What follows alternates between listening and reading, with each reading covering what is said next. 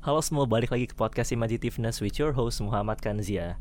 Di episode kali ini gue sudah kedatangan Harya Bima, announcer radio Sonora FM Jakarta. Welcome to the podcast Mas Harya Hai, thanks for having me. Ih keren Asik, gila gila gila. Biasanya nginterview sekarang di interview nih mas. Iya makanya pressure-nya beda. Aku takutnya nanti tiba-tiba malah nanya ke kamu. Gak apa-apa. Mas Harya, kita mau mulai dari runner up Dimas Diajeng. Itu ngapain mas? How did you know that? uh, actually itu bener-bener out of contact ya. Jadi aku pun sampai tahun 2015 nem- aku ikut 2016 pertama kali. Hmm. tahun 2016 tuh kayak nggak ada kebayang aku bakal ikut-ikutan kayak begituan. Sebelumnya aku tuh malah gabungnya tuh kayak di organisasi lingkungan ada Earth Tower ada Kopi gitu kan ya. Walaupun nggak aktif-aktif banget cuma tahun 2016 berminat lah buat ikutan di Mas Diajeng aku ikutnya yang yang di Jogja itu ikutnya di Kabupaten Bantul karena pas itu ada beberapa temen yang di sana gitu kan. Terus tanya-tanya itu apaan sih? gitu kan. Udah ikut aja. Kamu tuh duta wisata nanti jadi duta wisata gini-gini. Wah mikirnya duta wisata keren dong gitu. Awalnya dapet tentangan dari ibu. Ah ngapain ikut kontes-kontes lenggak-lenggok? gitu kan mikirnya. Tapi terus ternyata dari bapak ya udah ikut aja nggak apa-apa. Gitu. Jadi eh, dap- eh, dari ibu awalnya nggak dapet support tapi ternyata dari bapak dapet support gitu kan. Bener-bener buta nggak tahu apa-apa gitu kan apalagi zaman segitu aku belum tahu bagaimana grooming gitu kan taunya ya kayak appearanceku saat itu ya udah itulah Haria Bima gitu lah. Kayak nggak tahu kalau ternyata diri ini masih bisa dibentuk entah diapain gitu kan. Ya tapi karena prosesnya cukup panjang ya jadilah itu di runner up tadi bahkan sampai nganterin ke jenjang yang berikutnya yang di Jogja gitu kan. Jadi entah itu karena keberuntungan atau rezeki gitu kan jadi ya nggak tahu kalau ditanya kok bisa gitu. Aku pun juga nggak nyangka. Even fun fact-nya baik yang di waktu di grand final Bantul di Kabupaten Bantul maupun yang di Jogja kan pengumuman itu kan dipanggil di dari juara kelima. Juara lima jadi kan udah ada top 5 gitu kan top 5 terus habis itu udah pengumuman gitu kan siapa yang bakal juara 5, 4, 3 selalu di momen grand final baik yang di Bantul maupun Jogja sampai juara ketiga namaku belum dipanggil orang tuaku orang tuaku yang 24 jam hampir sama aku itu selalu mengira jurinya salah masa anakku belum dipanggil gitu kan. Gemes banget. Orang tuaku yang lahirin aku aja nggak nyangka gitu kan. Apalagi aku yang jalanin kayak serius nggak sih? Cuma ya ya nggak tahu ya itu mungkin namanya rezeki kali ya. Gitu. Dia jadi kalau ditanya gimana bisa aku pun nggak tahu orang tua aku pun juga kaget jadi ya ya biarlah pengalaman masa lalu itu yang tahu gimana sejarahnya Oke. Tapi dapat apa aja tuh Mas dari Dimas Diajeng? What eh, apa yang merubah Mas Arya dari situ? banyak banget banyak banget mungkin aku bisa bilang apa yang aku lakuin sampai tahun 2022 ini yang jadi pemerciknya atau yang mengantarkan itu adalah Dimas Diajeng kalau bukan karena Dimas Diajeng mungkin aku nggak akan bener-bener tahu bagaimana dunia entertain terutama kayak radio kayak gini. Nggak tahu bagaimana dunia public speaking nggak tahu bagaimana dunia MC walaupun kan aku pertama kali ikut tahun 2016 tahun 2015 itu aku udah sempet mikir pengen jadi penyiar radio. Itu kan ada radio kampus kan di tempatku. Cuma pas itu aku tuh kepentok gak jadi daftar karena aku mager bikin CV-nya dan ternyata di, eh, di 2016 sejak dari Dimas Diajeng itu ada beberapa teman yang emang udah dia tuh meniti karir sebagai penyiar radio. Oke. Nah dari situlah apa namanya kayak mulai bisa yuk gitu. Eh, nggak bisa sih aku nanya-nanya gitu kan. Eh, apa namanya penyiar radio itu enak gak sih? Gimana sih? Gini gini gini gini nanya-nanya gitu kan. Itu yang pertama. Terus yang kedua yang paling kelihatan banget penampilan looks gitu. Ya bukan berarti yang sekarang aku lebih baik gitu kan. Cuma kayaknya kan sudah pernah lihat foto-foto zaman dulu ya. Gimana dulu aku gak bisa bagi at least sekarang tahu bagaimana cara agak rapian gitu Hmm, lah. Kalau hmm. dulu tuh ya udah yang penting rambut tuh asal kelihatan pendek gitu kan. Eh, standar rapiku pada saat itu adalah kalau pakai kemeja pakai celana panjang pakai sepatu. Tapi ternyata eh, bisa lebih dari itu gitu loh. Nggak tahu bagaimana cara memadukan pakaian. Ya tapi itu proses sih ya aku ngelihatnya ya. Kayak Haria Bima kalau bukan karena Haria Bima yang dulu nggak akan belajar untuk membentuk Haria Bima yang sampai sekarang pun juga masih banyak harus belajar sih. Gitu. Banyak sih yang berubah gitu. Jadi eh, apa yang aku lakuin sekarang itu tuh pemerciknya ya Dimas Diajeng itu Oke, keren banget dari Dimas Diajeng sampai sekarang di eh, Sonora Jakarta. Em, waktu daftar Sonora, emang ngincer radionya Sonora atau awalnya nyebar jaring penyiar di mana aja asalkan jadi penyiar? Jadi sebetulnya aku udah sempet training di sebuah radio di Kabupaten Bantul. Hmm. Tapi karena trainingku bolong-bolong, otomatis aku buat on airnya keselip sama penyiar yang trainingnya lebih kenceng Hmm. Daripada yang aku. Terus akhirnya ada teman yang dia tuh siaran di Jogja itu di Smart FM. terus harinya aku tanya ke dia eh kalau di tempatmu ada buka lowongan penyiar radio aku mau dong terus Hmm. Smart FM kan yang Hmm. pasti tawar di situ terus habis itu nggak lama kemudian cuma jarak satu hari atau dua hari gitu kan dia bilang Bim kamu disuruh masukin CV sama surat lamaran gitu padahal zaman segitu aku nggak tahu apa itu siaran Hmm. Aku cuma mengandalkan punya suara kayak bapak-bapak ini. Terus yang kedua kayak orang-orang bilang kenapa kamu nggak jadi penyiar aja? Soalnya kamu suka ngomong. Padahal tanpa tahu apa itu ilmu siaran yang dibutuhin sebagai penyiar tuh kayak gimana. Jebret, datanglah itu aku nganterin CV. Enggak, aku bahkan lewat temanku. Hmm. Enggak temanku yang tadi. CV sama surat lamaran. Masih tulis masih tertulis tuh ya. Enggak dong, udah Oh, diketik udah dong, udah diketik dong. Cuma sih itu zaman segitu ngakal banget kan, bener-bener kayak yang cuma bagian atas tuh nama identitas, terus yang bawahnya itu tuh eh, apa namanya pengalaman pendidikan, Hmm, hmm. prestasi yang cuma satu cantum, cuma disantumin satu doang itu. Itu bener-bener oke, pakai oke. cuma Microsoft Word yang tanpa kreativitas Iya, apa pun iya. gitu. Nggak lama kemudian cuma jarak dua hari atau tiga hari, hari Jumat aku ingat hari Kamisnya temanku bilang Bim kamu besok disuruh ke kantor emang kenapa gitu emang dipanggil gitu coba aja dulu datang ke kantor tapi kayaknya lagi emang lagi butuh penyiar sih tapi kamu ditaruhnya di Sonora gitu terus akhirnya datanglah ke kantor itu ternyata langsung interview kan cuma Mm-mm. interviewnya itu bukan interview yang kaku gitu interview santai yang kayak kenapa pengen jadi penyiar Oke. Terus habis itu untung nggak ditanya kenapa Sonora gitu. Coba kalau ditanya Sonora, aku pas itu juga belum browsing value-nya Sonora tuh gimana, part of Sonora tuh eh, Sonora tuh bagian dari siapa gitu kan. Terus habis itu ya udah cuma interview ngobrol aja kenapa pengen jadi penyiar. Sebelumnya katanya udah pernah siaran ya gitu kan. Cuma sampai training sih Mas gitu gini gini gini gini gini gini. Terus ya udah besok Senin siap ikutan training gitu kan.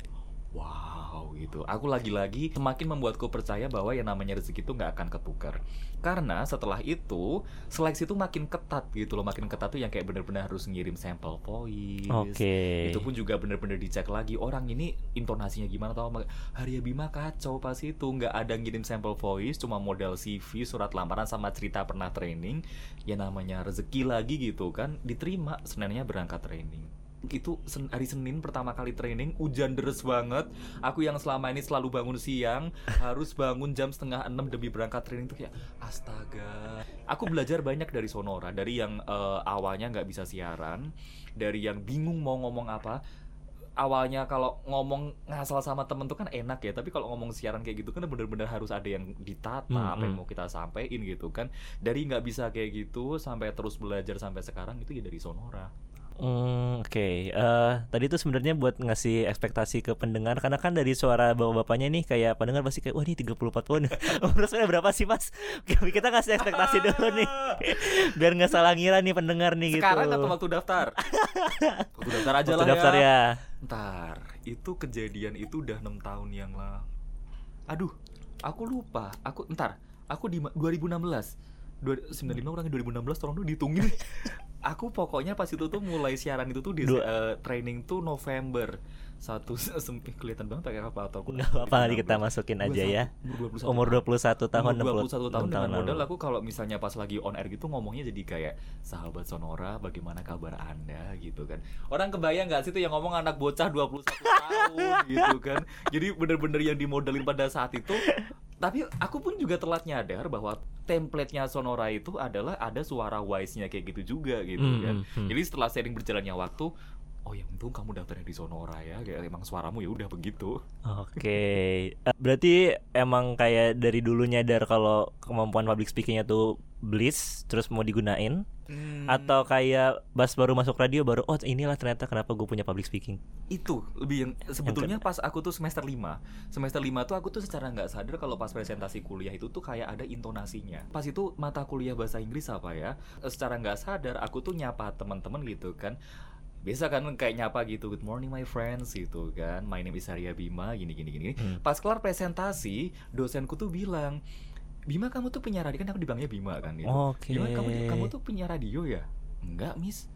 Iya loh kamu tuh kalau ngomong tuh kayak penyiar radio soalnya ada intonasinya bilang gitu kayak enggak kok Miss? enggak gitu bahkan pas itu pun aku juga belum kebayang Dimas Diajeng Dimas Diajengan itu kan. Ah. enggak kok miss itu yang pertama terus yang kedua eh, temenku kayak beberapa kali kenapa kamu nggak jadi penyiar radio aja gitu tuh waktu itu aku masih mikirnya enggak ah enggak ah Hmm, gitu hmm, kan hmm. terus akhirnya di Dimas Diajeng itu semakin mengerucutkan linknya bahwa oh kayaknya bisa nih karena Dimas Diajeng tuh gini eh, duta wisata gitu ya aku nggak menyebutkan secara semuanya ya tapi rata-rata gitu tuh ranah yang diincer atau ranah yang yang ranahnya rata-rata itu kayak nggak dicari eh, menuju ke arahnya gitu kan modeling entertainer entah itu tuh nanti yang udah jadi artis jadi pemain film yep. atau pemain apa figuran dan kawan-kawan penyiar radio itu penyiar itu pun penyiarnya nanti bisa dialihin ke penyiar radio atau news anchor TV atau jadi MC oke Hmm. ke public speaking. Aku jadi model jelas nggak mungkin dong. Aku pun kalau jadi model aku yakin cuma jadi manekin yang dipasang di pameran. Nggak kenapa rendah banget sih mas? Seriously. Kayak Kenapa?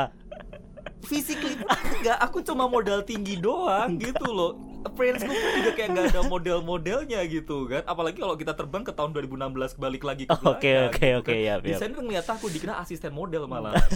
Terus yang kedua kalau aku mau jadi artis susah susah kan. Eh, saingan pun juga banyak dan juga dulu kan bapakku orang TV Hmm, Eh, beliau paham bagaimana di balik layar soal orang-orang TV gitu Oke, kan yap, yap. apalagi kalau ntar disangkutin sama ke ntar ibuku yang paling takut nanti kalau kamu tuh udah jadi artis syuting kerja tayang nanti jadi nggak sholat jadi Oke, sholat, jadi yap, yap. agama gitu Mm-mm. kan penyiar radio kebetulan bapak itu dulu juga penyiar jadi eh, kalau misalnya aku tuh pun juga mau nge-approach ke penyiar si bapak kan juga tahu kan kayak aku teman nanya ke bapak pak jadi penyiar radio tuh enak nggak sih? Enak tahu ini tuh gini gini gini gini. Oh responnya positif.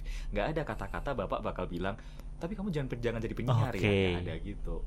Ya udah eh, kayaknya lebih ke aku nggak sadar apa yang aku miliki kemudian orang lihat terus habis itu orang kayak kenapa nggak coba kenapa nggak coba? Begitu dicoba aku baru menemukan kayak oh ya ini kali ya sebuah gift yang bisa dimanfaatkan untuk cari uang walaupun sampai sekarang pun aku juga masih banyak kurangnya sana sini sih jadi kayak ya masih harus banyak dibenerin sana sini Oke Udah kecemplung gimana rasanya? sebenarnya buat ngikutin tuh susah ya. Jadi sesepele gini deh. Dulu aku tuh kalau mau siaran sesepele buat buka acara, aku tuh pakai Microsoft Word. Yang ngetik sahabat Sonora, koma, apa kabar, tanda tanya. Mudah-mudahan kabar Anda hari ini baik dan juga sehat itu aku tulis sampai bener-bener Anda masih bersama kami pun juga itu aku tulis Jadi perkata banget ya? perkata banget. Jadi kayak misalnya acara request lagu gitu kan, aku coba tulis eh, kalimat gitu kan. Jadi cuma nanti gini. Anda masih bersama kami di acara ini dan baru saja Anda mendengarkan lagu. Kutulis titik titik titik titik untuk menyesuaikan lagu apa yang nanti diputer di studio. Jadi semuanya itu kutulis sampai bulan April. Jadi aku dari Jan Desember, Januari, Februari, Maret, April 5 bulan aku kayak gitu. Kalau struggle sih enggak karena mungkin aku menikmati prosesnya gitu kan cuma lebih kalau pas di studio tuh struggle-nya tuh kayak tiba-tiba tuh ada talk show kalau talk show itu kan narasumber itu kan kayak kita udah nyiapin A sampai Z ternyata narasumber itu nggak bisa bukan yang nggak bisa ternyata si narasumber itu tidak eh, jawabannya yang singkat-singkat atau gimana. Akhirnya sesuatu yang udah kita siapin itu harus membutuhkan backup plan lagi yang itu nggak aku siapin kayak gitu. Aku sempet struggle-strugglenya kayak gitu sih. Cuma karena mungkin aku menikmati dan entah yang namanya ya entah karena aku seneng atau gimana bisa-bisa aja tapi sebetulnya eh, kendala-kendala yang kadang bikin capek itu tuh malah bukan di proses penyesuaiannya. Misalnya kayak tiap pagi yang itu kan kalau misalnya aku siaran jam 6 pagi tiap pagi aku harus bangun sebelum jam 6 pagi. Hmm, hmm. padahal masih ngantuk. Belum lagi kalau pas lagi capek atau yang lainnya juga. Sebenarnya malah lebih susahnya di situ-situnya. Itu sih awal-awal ya. Apalagi bukan ter- bukan typical morning person tiba-tiba jadi morning person yang jam 6 tuh udah harus mangap gitu kayak Mm-mm. aduh Jadi ada turning point 180 derajat di situ ketika jadi penyiar radio. Banget. Dan akhirnya jadi bikin eh, Mas Arya Bima yang sekarang gitu. ya bikin banget banget sih juga enggak ya. Tapi at least eh, kalau aku tipe orang yang sering banget ngaret. Berkat siaran cuma di siaran doang aku tuh jadi nggak ngaret. Kalau misalkan jadi penyiar tuh sepenting apa sih Mas? Jam? se apa? Sepenting apa sih? Time management? sesepele gini deh. Kamu itu mau siaran jam 6 kamu harus sampai studio sebelum jam 6 Hmm. Kebayang gak sih kalau kita tuh udah telat Padahal dari jam 6 sampai satu jam pertama deh gitu kan Itu nanti misal harus ada iklan yang diputer Oke. Ada konten yang harus kita sampein Kalau kita telat 5 menit aja deh 10 menit aja deh Something yang bisa dipakai di 10 menit itu kan Kita openingnya aja udah mundur telat 10 menit kan Padahal harusnya kita bisa opening di jam 6 lewat Nanti Oke. jam 6 lewat 5 tuh udah bisa muter iklan atau apa Tapi ternyata semuanya harus serba mundur gitu kan Bagiku adalah ketika siaran itu udah telat Di on air tuh jadi nggak rapi Hmm. Jadi nggak rapi itu entah jadi nanti akan ada iklan yang berderet. Ada misalnya apalagi kalau iklannya banyak gitu kan. Ada yang mau nggak mau harus berderet. Pokoknya aku menyimpulkannya adalah ketika itu kita tuh telat, ketika kita itu telat nggak bisa memanage waktu dengan baik, apalagi buat siaran, di on air tuh bakal kelihatan berantakan. Oh. Belum lagi kalau kita telat kita pasti ada beberapa pressure. Pressure yang pertama adalah kita takut dimarahin sama bos. Hmm. Pressure yang kedua, kita tuh nyampe ruang siaran itu udah ngos-ngosan. Oke, berpengaruh Udah- ke suara ya. Udah berpengaruh sama suara, udah gitu pikiran kita tuh nggak fokus.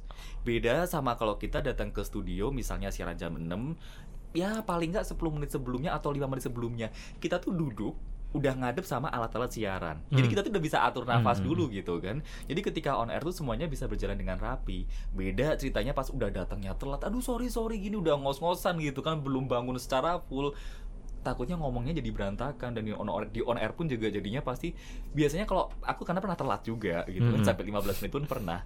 At least 15 menit pertama sampai tanda waktu menit 30 tuh pokoknya kayak nggak rapi banget lah karena aku harus nutup iklan yang seharusnya aku putar dari tadi Mhm. tadi gitu kan.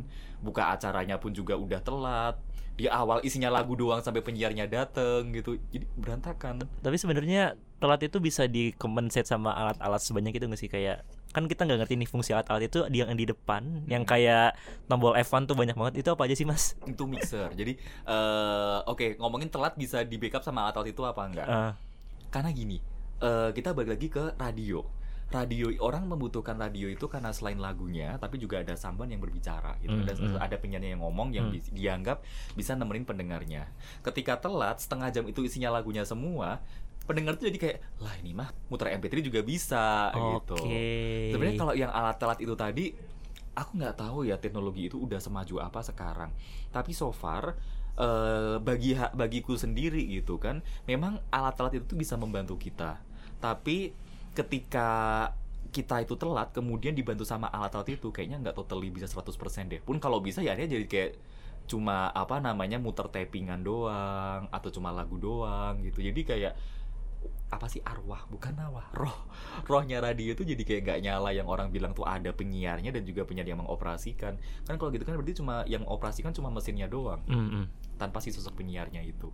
Ada yang bilang kalau semua radio muterin lagu yang sama tapi yang bikin beda adalah penyiarnya. yes. Eh, apa yang pengen Mas Arya tunjukin lewat siaran Mas Arya?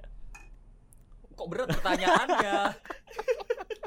Nggak, aku nggak sesuatu dulu Kita- What was your kayak unique selling point through your siaran kayak gitu-gitu? Yang bikin diinget tuh kalau menurut Mas Arya dari di sini tuh apa sih? nggak tahu. Nggak tahu. Tapi orang nggak kayak kalau itu Harya karena aku termasuk penyiar yang jarang banget nyebut nama. Even waktu opening aku tuh sering banget kelupaan masih bersama saya Harya atau apa Oke. gitu kan. Tahu-tahu waktu pamit Harya pamitan dulu sahabat Sonora.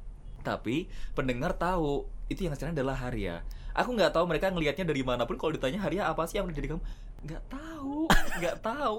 Eh, selama ini sih aku kalau siaran berusaha menunjukkan eh, siaran ala Harya gitu ya. Mm, mm. aku pun juga nggak menyadari apa yang khas ala Harya cuma orang-orang kalau bilang eh, dibanding sama teman-teman penyiar yang lain di sini aku kalau siaran itu tuh kayak lebih soft. I mean soft tuh kayak gini. Kalau orang baca misalnya kalau orang baca berita gitu kan bisa dengan eh, dengan into, bukan intonasi dengan gaya yang eh, pat yang tek tek to the point. Hmm. Kalau aku menyampaikan itu dengan cara kayak agak cerita. Bahkan atasanku pun juga pernah bilang, iya kalau Haria cocoknya lebih ke acara yang lebih ke soft, ya, lebih ke acara yang apa ya santai dan soft gitu karena pembawaannya kayak orang bercerita gitu. Aku nggak tahu ini jadi eh, salah satu unique selling point atau entahlah. Semoga kejawab pertanyaannya barusan. Aku yakin ini muter-muter banget. kan banyak nih mas yang kayak mikirnya oke public speaking gue pengen jadi penyiar terus kayak merasa merasa bisa gitu ya dan segala macam menurut Mas Arya sendiri yang bikin beda antara public speaking ngobrol sama announcer tuh apa sih di mana thresholdnya di mana bedanya bagiku jadi penyiar radio itu tuh berat. Walaupun kita itu cuma keluar kecuali kelihatan, walaupun cuma Kelihatannya. kita tuh Hmm. kedengeran suaranya Hmm. doang, tapi apa yang kita omongkan, apa yang keluar dari mulut kita itu bakal langsung bisa ditangkap dengan eh, langsung bisa ditangkap sama si pendengar. Hmm. Oke, itu sisi positif. Tapi kalau kita mau lihat dari sisi tantangan, sekali kita salah ngomong nggak bisa dikontrol Z nggak sih? oke Kayak misalnya, eh misalnya, misalnya kayak nginfoin gitu kan, iya hari ini lagi ada lagi demonstrasi di Bundaran HI. Padahal demonstrasinya di Bundaran Senayan. oke Kayak Iya, kalau iya, aku ah. kalau aku itu tuh nggak. Sedangkan kalau misalnya aku ngomong langsung sama Kens, ya tahu Kens lagi ada demo di mana di Bundaran HI. Terus habis itu eh bukan. Oh, iya, iya. Enak. Ah, gimana kalau kita kita tuh bertugas nginformasin ke pendengar eh, pendengar gitu kan? Eh, halo selamat siang semuanya. Hati-hati ya siang ini yang sedang berkendara karena di Bundaran HI tengah ada demonstrasi. Eh bukan deng. Bundaran Senayan sebetulnya bisa-bisa aja tapi itu bukan tapi sebagai penyiar radio masa iya kita mau mau mempertahankan kesalahan-kesalahan kecil itu yang selalu keluar dari mulut kita? Kalau ngomong sama temen kalau salah bisa diralat kayak nggak ada yang malu. Hmm. I mean yang malu cuma kita doang. Tapi kalau kita sampai salah ngomong ah penyiar radio A itu kalau nginfoin salah-salah mulu trustnya bukan ke kita lagi tapi ke radionya. radionya. Takutnya kalau kayak gitu orang mau dengerin itu. Eh kalau nyari informasi ke mana sih radio A? Apaan radio A? Orang radio A kalau nginfoin salah-salah mulu penyiarnya. Beda sama kalau aku ngomong sama ngobrol sama kamu gitu kan. Oke. Terus kan kalau misalnya kita cuma kita berdua nanti suatu saat aku ngasih info lagi terus kamu bilang bener nggak tuh ntar salah lagi ih bener yang sekarang Oke oke oke oke. Iya iya. kalatnya. kalau radio takutnya trustnya tuh ke company-nya bukan ke Haryanya bukan kalau misalnya Harya salah-salah ngomong terus orang lain percaya sama penyiar yang lain itu juga bisa tapi biasanya lebih gedenya nyangkutnya nama radionya kan Announcer tuh bisa dibilang face-nya dari radio juga ya, Mas? ya bisa karena eh sombongnya ya Radio A, oh yang penyiarnya si A kan, nggak ada tuh. Oh yang bosnya si B kan, gitu. Oh, itu juga pasti iya, kadang gini, ada topiknya kayak gitu juga. Cuma Hmm. kadang penyiar eh, Radio A, penyiarnya siapa sih itu? Si ini loh, si ini. Oh si ini, bilang Hmm. gitu. Ya walaupun oh itu dulu si atasannya dari radio ini kan, biasanya kayak begitu. Jadi bisa dibilang, apalagi kalau ngelihat flyer radio selain eh, selain masang logo radio yang dipampangkan nggak tahu kenapa jadi pressure foto penyiarnya gitu penyiar itu face of face of radionya. Iya.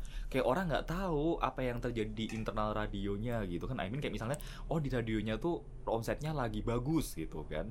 Nggak semua pendengar tuh tahu kalau omset si radio itu bagus. Mereka tahunya penyiarnya bagus atau enggak Oke. Coming to Sonora Jakarta. Dari Dimas Diajeng, Jogja, Sonora Jakarta. What what after Sonora Jakarta, Mas Arya? Apakah mau jadi mewujudkan mimpi jadi full time traveler atau kayak ke mana lagi? nggak tahu ya tapi sampai hari ini aku tuh masih punya beberapa target gitu ya. Aku yang dari dulu aku pengen sampai sekarang itu aku pengen tinggal di luar negeri. Aku pengen ke sebuah perusahaan sebuah perusahaan. Aku pengen ke sebuah media yang ada di luar gitu kan. Tapi lagi-lagi kepentok restu orang tua gitu kan. Hmm. jadi ya udah kita bikin cara lain gitu kan. Pun kalau misalnya ditanya gitu kan apakah kamu mau bertahan di dunia public speaking ini gitu kan. Sampai hari ini jawabanku belum tahu. Oke. belum yang masih mantep. Iya ini passionku banget. Iya aku seneng ngomong gitu kan. Tapi kayak I need something bigger gitu lah. Aku butuh Yep, yep. sesuatu. Hmm. Aku begi- aku butuh sesuatu yang lain apalagi kita itu hidup di negara yang mana cowok itu tuh mempunyai pressure dari keluarga dan keluarga calon Calon, betul. gitu kan gitu. Iya, iya. Eh, bukan ber ah, tapi bukan berarti gini ya apa yang aku lakukan sekarang ini bis- tidak bisa menghidupi keluarga gitu. Bukan, bukan Hmm. begitu. Bisa gitu, bisa. Tapi dari aku sendiri, aku butuh sesuatu yang lebih besar dari ini gitu kan. Gitu. Entah yang untuk terkait gaya hidupku, belum lagi nanti kalau aku soal nikah gitu kan. Tapi kalau ditanya gitu kan apa apakah dari apa yang kamu lakukan sekarang ini bisa eh, memenuhi gaya hidupmu? Bisa gitu. Tapi kita nggak ada yang tahu apa yang terjadi karena kata orang eh, makin tua makin banyak kebutuhan gitu Betul. kan. Hmm. Dan aku sendiri pun sampai hari ini masih belum bisa menemukan sisi lain dari selain siaran radio. Jadi kan katanya kalau jadi penyiar radio itu kan bisa jadi MC, Mm, mm, bisa mm, jadi VO talent gitu. Tapi aku sendiri belum bisa menikmati yang kayak dengan constantly bakal melakukan itu setiap hari Oke, gitu gitu yep, kan. yep, yep. Pun kalau ada job juga nggak rame-rame banget gitu Mm-mm. kan. Jadi mungkin akan mencari yang lain itu sampai hari ini nggak tahu ya kalau nanti pas podcast ini terbit ternyata aku udah kayak dimantepin oh yaudah dia kamu di sini gitu nobody knows Jadi eh, kalau misalnya ada teman-teman yang mau ikut traveling boleh gak sih? boleh dong boleh dong aku sering banget traveling sendirian Oke. asal nggak ribet aja orangnya lah tapi udah boleh boleh tiba-tiba gitu ya boleh tapi ada TNC-nya Iya, karena aku betul. dari aku sendiri orangnya ribet gitu kan kebayang nggak sih ribet ketemu ribet gitu Lebih ke tahu diri ya, Ya. lebih ke bawa diri sendiri deh teman-teman yang mau ikut bareng. Oke, eh, last question untuk teman-teman yang mau belajar jadi radio announcer apa yang bakal Mas Arya kasih nih? Yang pertama adalah eh, ini mungkin belajar dari pengalaman Haria sebagai eh, apa namanya pengalaman Haria yang sampai sekarang pun lagi berusaha mengejar ketertinggalan itu. Yang pertama adalah pengetahuan soal lagu. Jujur ya dari 2016 sampai 2022 aku itu sama yang namanya lagu tuh masih PR banget Oke. apalagi sampai Sonora Jakarta lagu-lagunya kebanyakan lagu-lagu Inggris gitu Mhm. kan kayak mayoritasnya diputar tuh lagu-lagu Inggris gitu jadi kayak perbanyaklah pengetahuan soal lagu gitu kan. Lagu apa pun. Eh, walaupun kita bilangnya kayak gini ah tapi kan aku siaran di radio anak muda gitu Mm-mm. kan. Tapi siapa sangka lagu itu enggak cuma sekedar kita mention waktu siaran. Tapi kalau misalnya pas kita tuh lagi bacain tips gitulah misalnya kita bacain tips tips bangun tidur gitu misalnya. Jadi supaya eh, jadi supaya tidurnya itu tuh eh supaya tidurnya jadi supaya aktivitasnya sepanjang hari itu lancar jangan lupa kalau bangun tetap harus pagi biar semangat tuh kayak lagunya Elo. Oke. misalnya kayak Iya, iya, begitu iya. gitu kan. walaupun lagunya Elo yang eh, eh, bukan Elo, iya Elo yang buka semangat baru gitu Iya, kan. Iya. itu walaupun enggak diputar di radio itu karena lagunya mungkin udah after hits gitu kan. Tapi at least buat pengetahuan kita enggak sih? Hmm. itu. Sama yang kedua kalau misalnya kita tuh bridging antar lagu. Misalnya kayak eh, Ken sebutin nama lagu dong apa pun gitu. Aku langsung mikir tiba-tiba ngeblank deh. Noah separuh aku misalnya. Noah separuh aku gitu kan kalau habis mut- misalnya muter lagu Noah gitu ya muter lagu Noah begitu Noahnya si si Arielnya berhenti nyanyi terus garing nggak sih kalau tiba-tiba ya nggak apa-apa cuma akan lebih berwarna kalau eh, akan lebih berwarna kalau kita ngomongnya nggak sesimpel ini anda masih bersama kami di radio ini dan masih bersama saya Haria Mm-mm. eh tahu nggak sih di luar tuh panas banget gimana kalau kita antar lagunya kayak gini aduh dalam hidup tuh emang kayak jadi habisin Ariel Ariel kelar nyanyi karena separuh aku Hmm. dirimu hidup tuh emang kayak gitu. Kita tuh kadang tuh merasa bisa hidup sendirian. Tapi ternyata kita secara nggak sadar kita tuh butuh seseorang yang bisa mendampingi kita supaya jiwa kita itu bisa terisi penuh. Karena kayak lagu tadi karena separuh aku itu dirimu. Oke. dan itu bisa jadi bridging siaran gitu kan. Ntar nanti disangkutin ke tips soal percintaan Hmm, atau hmm. soal apa gitu kan. Atau kalau ngomongin soal cuaca gitu kan bener sih sahabat sonora dalam hidup tuh separuh dari aku tuh ada orang lain. Kebayang nggak sih kalau separuh dari aku itu diisinya adalah orang yang kita benci atau cuma kita sendirian? Pasti rasanya tuh sepanas cuaca siang hari ini. Ya gitu gitu contohnya kayak begitulah. Jadi dengan kita itu memperkuat pengetahuan lagu itu bisa semakin memperkaya eh, apa namanya memperkaya siaran kita. Lagu. Terus yang kedua up to date. Hmm. up to date itu bener-bener wajib banget. Kayak hmm, karena aku pernah dong eh aduh ini nggak tahu nanti bakal sesusah apa ngeditnya cuma I'll try to explain aku lupa urutannya jadi misalnya kayak gini di suatu tahun ada pemilihan presiden ada calon A dan calon B Hmm. calon A diusung nomor satu calon B diusung calon nomor dua Oke. Pas itu aku nginfoin informasi lalu lintas. Eh, jangan lewat di sekitar stadion ini ya, karena pada siang hari ini ada kegiatan kampanye dari pasangan calon presiden nomor urut 1, Presiden B. udah itu aku udah aku tuh ngomongnya tuh mantep banget gitu kan. Ada dari presiden B langsung ku tembak call sign. Aku masih diem. Aku itu kan pintunya pintu studio kan pintu kaca kan. Aku lihat keluar. Orang di luar itu cuma kayak yang ada yang masuk satu. Ada yang masuk orang kantor gitu kan tadi kamu salah nyebut ya iya aku salah nyebut berarti aku salah aku salah gitu iya habis ini kuralat Oke. coba kebayang kalau itu yang dengerin lagi banyak banyak Iya, iya, ah. kan. kalau kebayang nggak sih kalau yang itu yang dengerin ternyata ada partisipan dari Betul. partai pendukung gitu kan kayak habis lah kayak ya emang harus up to, itu tapi tapi eh, disclaimer bukan berarti aku nggak tahu bagaimana posisi si ca- capresnya I- satu atau dua cuma ngeblank aja Iya, karena iya. aku waktu mau ngomong tidak membekali diri dengan baik gitu. Mm, mm. jadi ada baiknya benar-benar harus up to date. Dan dengan up to date kita tuh jadi kayak enak kalau mau siaran. Topiknya tuh nggak gitu-gitu aja gitu. Kalau misalnya apalagi siaran duet. Misalnya pasangan duetku ngomong iya nggak sih kayak waktu si ini loh. Kalau kita nggak tahu kan kayak yang mana Oh, yang sih? mana? Nggak nyambung yang ya? itu loh skip deh skip deh skip deh jadi kan kayak jadi nggak ngalir gitu Hmm. kan ya sebenarnya bisa eh, ya sebetulnya kalau kita nggak tahu kita bisa ngeles sih ngeles gitu kan supaya kita nggak kelihatan nggak tahu banget tapi ada berapa topik yang kira-kira bakal kita ngelesin kan Yap, yap. Hmm. itu dua sih sama apa lagi ya ya kalau soal teknis public speaking mah itu udah sangat teknis banget lah Hmm, ya hmm. kayak ya itu mungkin bisa next podcast karena itu akan lebih panjang lagi Betul, tapi betul, aku, betul. tapi aku yakin orang-orang udah sangat eh, at least ngeh lah gitu kan soal public speaking itu tuh bagaimana soal intonasi artikulasi atau apalagi yang teori itu sudah terlalu luas Hmm, lagi hmm, hmm. Cuma di sisi lain pun juga masih ada hal-hal penting ya kayak tadi pengetahuan soal lagu, up to date, kemampuan kita komunikasi sosial. Apa sih istilahnya ya? Social communication. Hmm, hmm. eh bagaimana caranya kita itu tuh ngobrol sama narasumber. Misalnya kamu narasumber nih kan. Hmm. Eh, misalnya kita ngobrol ya, kamu jawab sesingkat-singkatnya. Oke. Ah, Halo Kans, apa kabar? Halo. Sehat ya? Sehat-sehat. Oke. Ini kebayang dengan posisi penyiar yang udah bingung. Hmm. Oke, jadi sehat. Tadi macet ke sini. Enggak sih biasa aja. Oh, biasa aja gitu. Oke deh, kita langsung ke pertanyaan yang pertama.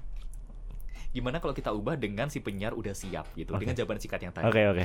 Halo Kans, apa kabar? Halo. Sehat ya? Sehat-sehat. Ih, luar biasa. Tapi kalau emang dari kelihatan auranya sih hari ini kelihatan sehat banget. Anyway, eh, di masa pandemi kayak gini, tips menjaga kesehatan ala Kans gitu susah nggak sih? Ya aku sih olahraga aja ya. Olahraga. Nah, ini sahabat Sonora. Ih, kesebut. Enggak apa. Nah ini nih pendengar tips yang pertama adalah olahraga Terbukti loh dengan olahraga Kan sehari ini bisa datang ke studio dengan kondisi yang fit Anyway kita kan pagi ini mau ngobrolin soal A Gimana sih pendapatnya? Ya sebenarnya itu sih emang kayak gitu ya. Oke, kayak gitu tuh gimana? Mungkin bisa dijelaskan secara spesifik. Udah cukup. Tapi Oke, oke. eh, dengan social communication yang kita itu tuh eh, gimana ya bisa mengulur atau kita tuh Hmm, bisa yap, apa yap. sih? Aku mau bilang menarik kok kayak sombong banget Hmm. gitu kan. Tapi dengan eh, dengan communication, social communication yang menarik gitu kan, itu bisa membuat on air kita jadi lebih hidup. Oke. Iya kalau ditanya gimana caranya latihan dan jam terbang gitu kan. Jadi kayak ya sering-sering aja ngobrol sama temen. Karena balik lagi kayak pertanyaan yang pertama tadi. Kalau pertanyaan yang tadi ingat kan kan tanya bedanya kalau kita public speaking ngomong sama temen Betul. biasa dan juga on air apa. Kalau sama temen biasa ah nggak asik lu jawabnya singkat-singkat ngantuk ya lu. Itu bisa. Kalau radio masa ya narasumber mau kita ngantuk ya pak kan sih ya singkat amat jawabnya. Tuh, jadi iya. Menarik mena- eh, menarik menarik tapi tidak eh, menarik tapi enggak seenteng itu bukan berarti susah tapi bukan berarti kan karena ada orang yang bilang alah siaran kan tugasnya cuma tinggal Betul. ngomong it's Hmm. not that easy gitu loh kayak bener-bener ada hal yang dipertimbangkan karena yang kita pertaruhkan adalah nama perusahaan yang kedua adalah nama kita apalagi sekarang apa-apa itu dengan cepatnya bisa viral nggak lucu dong iya, kayak iya. perkara kita salah ngomong ternyata jadi viral yang malu Mhm. pertama kita apa kita yang kedua ya radio kita yang ketiga ya kalau nggak dipecat Oke, aku udah mesti no comment tuh sampai situ. Thank you banyak Mas Arya itu di pertanyaan terakhir yang thumbs up. Terima kasih banyak udah hadir ke podcast ini. terima kasih jangan kapok kayak Eh, buat closingnya aku mau kayak contoh-contoh roleplay gitu dong Mas, kayak closing siaran biasanya kayak gimana. Hmm. Buat closing episode ini doang. PR banget nih. Nama episode podcastnya apa sih? Eh, imajitif aja, podcast imajitif. Imajitif. Iya. Kamu tahu loh Inggrisku berantakan suruhnya Inggris. Enggak, Inggris. ini kan gampang imajitif, iya. Imajitif. Anyway, udah banyak banget yang diobrolin siang hari ini bersama saya sendiri yang hari ini juga disuruh closing sama Kans gitu kan. Tapi ya nggak apa-apa lah ya. Mudah-mudahan tadi apa yang Haria sampein ya tipis-tipis bisa saling menginspirasi lah walaupun Haria pun juga masih perlu banyak belajar gitu kan. Mungkin ya kalau ada yang mau disampaikan bisa lihat Instagramnya Kans aja kali ya. Kalau misalnya harusnya gini tuh hari gitu boleh. Tapi semoga lain waktu Haria diundang. Haria pamitan dulu dari podcastnya Imagitif dan ketemu lagi sama podcast-podcastnya Kans lainnya di episode berikutnya. Bye bye.